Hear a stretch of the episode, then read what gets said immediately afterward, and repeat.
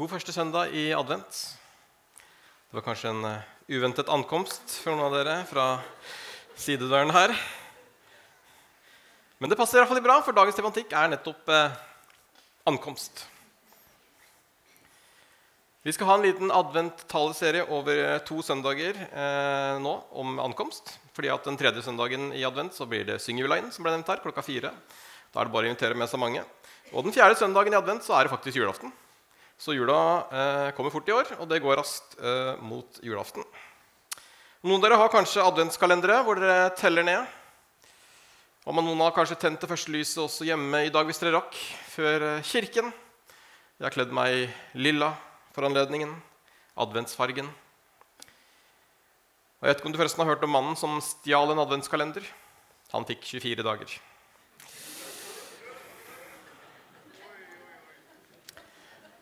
Ordet advent det kommer av det latinske 'adventus domini', som betyr ankomst eller Herrens komme. Og i eh, Jakobs brev 5,8 så sto det i den gamle oversettelsen til venstre så må også dere være tålmodige og ved godt mot, for Herrens komme er nær. Og i 2011-oversettelsen den nyeste står det også dere må være tålmodige og gjøre hjertene sterke, for Herren kommer snart. Herrens komme, Herren kommer på latinsk så uh, står det skrevet Patientes estote et vos confirmate corda vestra quoniam adventus domini. Det siste ordet er ikke viktig i dag. Men adventus domini, Herrens komme. Herren er da Jesus. Jesus han kom, og han skal komme igjen. Og I dag skal vi se litt sammen på Jesu ankomst til jorda, hvordan det forandra historien. Og Neste søndag skal vi få lov til å høre om hans andre ankomst, som ikke er skjedd ennå, men som kommer til å forandre historien igjen. Så Jesu første og andre komme, eller ankomst, er da tematikken disse to søndagene. så vet du det. Og Hver dag så fødes det ca. 385 000 babyer rundt omkring på kloden vår. Det er mange nye barn hver dag. 385 000. Og hvis du spør meg om jeg kjenner til noen av de 385 000 babyene som ble født i dag, for eksempel, eller blir født i dag, så kan jeg kanskje i ny og ne si at ja, jeg kjenner til én av dem. Men de aller, aller fleste kjenner jeg ikke, og vil ikke engang høre om dem i løpet av livet. Allikevel så er det én fødsel som har alltid overgått alle andre fødsler, og det er Jesu fødsel. De fleste fødsler de blir jo markert. Og de fleste fødselsdagene til et menneske blir jo markert mens man lever.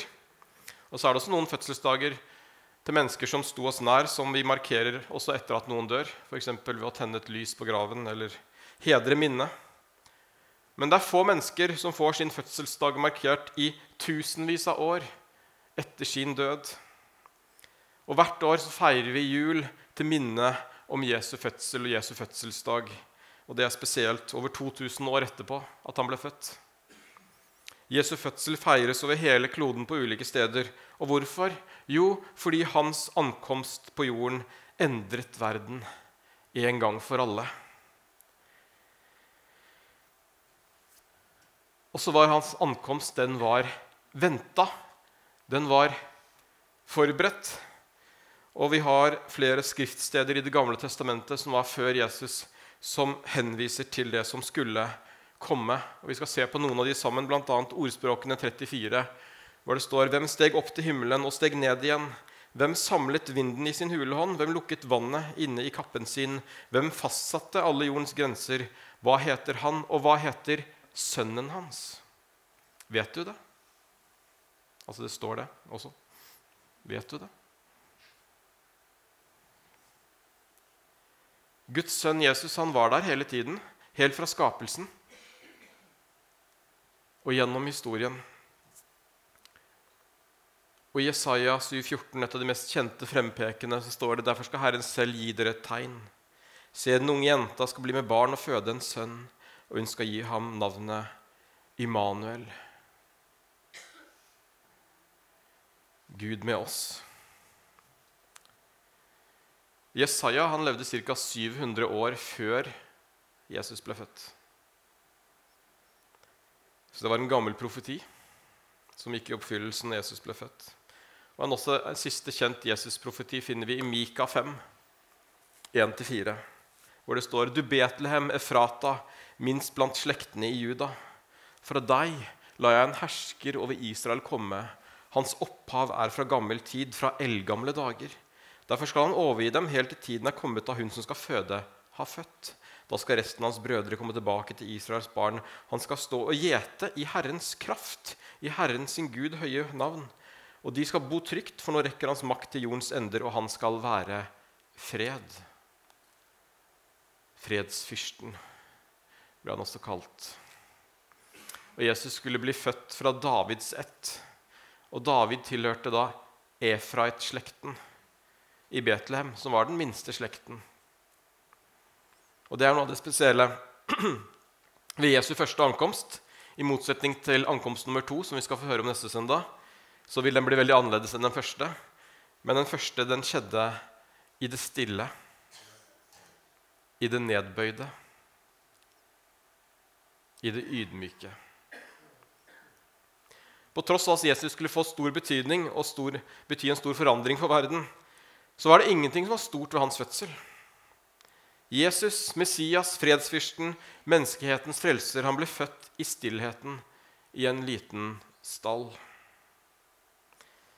Verdens lys ble født i stummende mørke. Verdens brød ble født i mattrauet til noen dyr. Kongen ble født i en stall. Josef og Maria var der. Det kom noen gjetere innom, og tre vise menn. Og det var det. Det var ikke storslagent. Og De tre vise menn som kom, de visste at det skulle bli født en konge, men de visste ikke at han ble født i en stall. De antok antagelig at han skulle bli født i, i slottet eller kongsboligen. Og det å finne Jesusbarnet i en stall fordi stjerna stoppet over stallen, det var nok en uventa ankomst for en konge i deres øyne. Men allikevel så kom de, og så bøyde de kne for et barn som ikke hadde gjort noe annet enn å bli født. For de visste at det var noe spesielt ved det barnet. Og det visste også gjeterne som kom, og Josef og Maria. Og så skulle barnet få lov til å vokse opp. Og selv om han sikkert var en vis gutt og en, en vis mann, så gjorde han ingen mirakler før han var rundt 30 år, når han starta sin tjeneste. Og Spørsmålet kan jo være da tvilte Maria og Josef på at Jesus var Guds sønn noen gang? Jeg mener ingen mirakler på 30 år. Var det en slik Messias eller frelse man hadde sett for seg? Men når Jesus ble døpt av døperen Johannes og fikk Den hellige ånd, så startet han umiddelbart sin tjeneste. Og etter de årene var det mange av de som sto han nær, som sluttet å tvile. For de fikk se Jesus gjøre vann til vin, han helbredet syke, lamme startet å gå, blinde begynte å se, døde ble vekket opp til liv, og noen få brødstykker ble mat til tusenvis. Du fikk se Jesus stille stormen, gå på vannet, jage ut onde ånder. Han helbredet spedalske. Han hang med de svake og utstøtte. Han forkynte Guds rike, og han lærte dem med myndighet og visdom. Og til slutt så døde han på korset, syndfri for din og min skyld. Kolosserbrevet 2,15 sier han avvæpnet maktene og myndighetene og stilte dem fram til spott og spe da han triumferte over dem på korset. Jesus seiret på korset. Han endret historien. Og som de sier på engelsk The history became his story. Vi er i år 2023 etter Kristus. Vi skal feire hans fødsel om 21 dager. Vi skal feire hans fødsel, men også først og fremst hans liv og hans død og hans oppstandelse, som ga oss liv. Vi er samlet her i dag på denne søndagen i en kirke pga. at Jesus kom til jord. Vi er samlet i dag pga. det lille barnet som skulle få lov til å bety så mye. Og så er det mange som ikke har grepet det Jesus har gjort for dem. Det er mange som ikke feirer jul pga. Jesus. Fordi det hjelper ikke at han ankom jorden, og han ikke også får ankomme i ditt hjerte. Jesus gikk rundt på jorden i en begrenset periode. Siden har han gått rundt på jorden i våre hjerter. Er vi klare for hans ankomst i vårt hjerte? Fordi at når Jesus tar bolig i vårt hjerte, så fødes det et nytt liv her inne. Jesu fødsel det handler ikke bare om fødselen for 2000 år siden, men det handler om hva som fødes her inne, i menneskers hjerter, hver eneste dag. Fordi Jesus sier at du må bli født på ny for å komme inn i hans rike. Og Jesus trenger seg aldri på. Det er alltid vårt valg å slippe han inn. Så jeg står for døren og banker. Om noen hører min røst og åpner døren, vil jeg gå inn til ham og holde måltid, jeg med han og han med meg.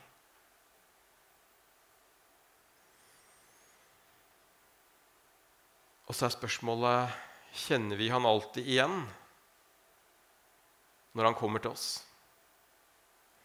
I den kjente fortellingen til Leo Tolstoy om skomakeren så blir vi kjent med en skomaker som blir lovet i en drøm at dagen etterpå så skal Jesus komme på besøk. Skomakeren gleder seg og gjør huset klart, men i løpet av dagen så dukker ikke Jesus opp. Men andre mennesker med ulike behov dukker opp på døren hans. Og I løpet av dagen så velger han, selv om han egentlig har det travelt, for Jesus skal jo komme på besøk, så velger han allikevel å hjelpe alle disse menneskene på ulike måter.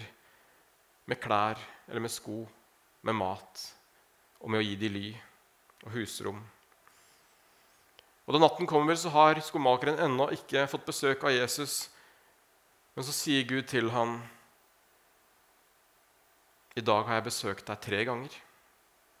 Gjennom de tre menneskene du valgte å hjelpe i dag.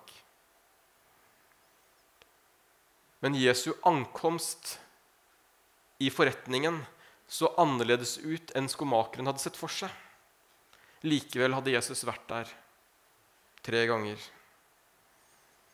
Og etter at Jesus dro opp til himmelen,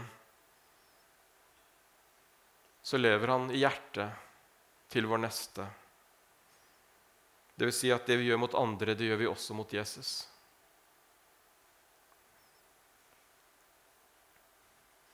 Jesus kom til jorden for menneskene. Hans ankomst var for oss, for vår skyld. Han brydde seg om de rundt seg, og derfor kalte han også oss til å bry oss om de rundt oss i dag. Så når du tar med et hjerte fra hjertetreet ute i foajeen og kjøper noe til noen andre fra et hjerte til et annet hjerte, så er du kanskje med å forberede Jesu ankomst i et annet sitt hjerte. Når du gjør noe godt mot de rundt deg, så kan vi peke på Jesus gjennom å gjøre godt. Men det må begynne med at vi først har åpnet vårt hjerte. At vi har sluppet Jesus inn, og at vi har trodd på det som skjedde i stallen i julenatt. Jeg har lyst til å utfordre dere i dag til å kanskje ha litt ekstra fokus på de som er rundt oss i denne adventstida som ligger foran. Og på den måten kanskje hjelpe andre til å få et glimt av Jesus i sin travle hverdag. La oss be om det. Kjære far, jeg takker deg for at du kom til jorden som et lite barn. Men allikevel for å bety så mye for alle mennesker. Takk for din fødsel. Takk for ditt liv. Takk for ditt forbilde. Takk for din død for oss, og takk for din oppstandelse, far, som gir oss muligheten til å ta del i livet med deg hver eneste dag. Må du fylle oss hver enkelt med din Hellige Ånd, far. Fyll vårt hjerte med deg. Hjelp oss til å se de rundt oss med dine øyne. Hjelp oss til å bety en forskjell for mennesker rundt oss, og hjelp oss til å peke først og fremst på deg, slik at mennesker også kan bli kjent med deg i den adventstida som ligger foran. Vi ber om det i Jesu navn. Amen.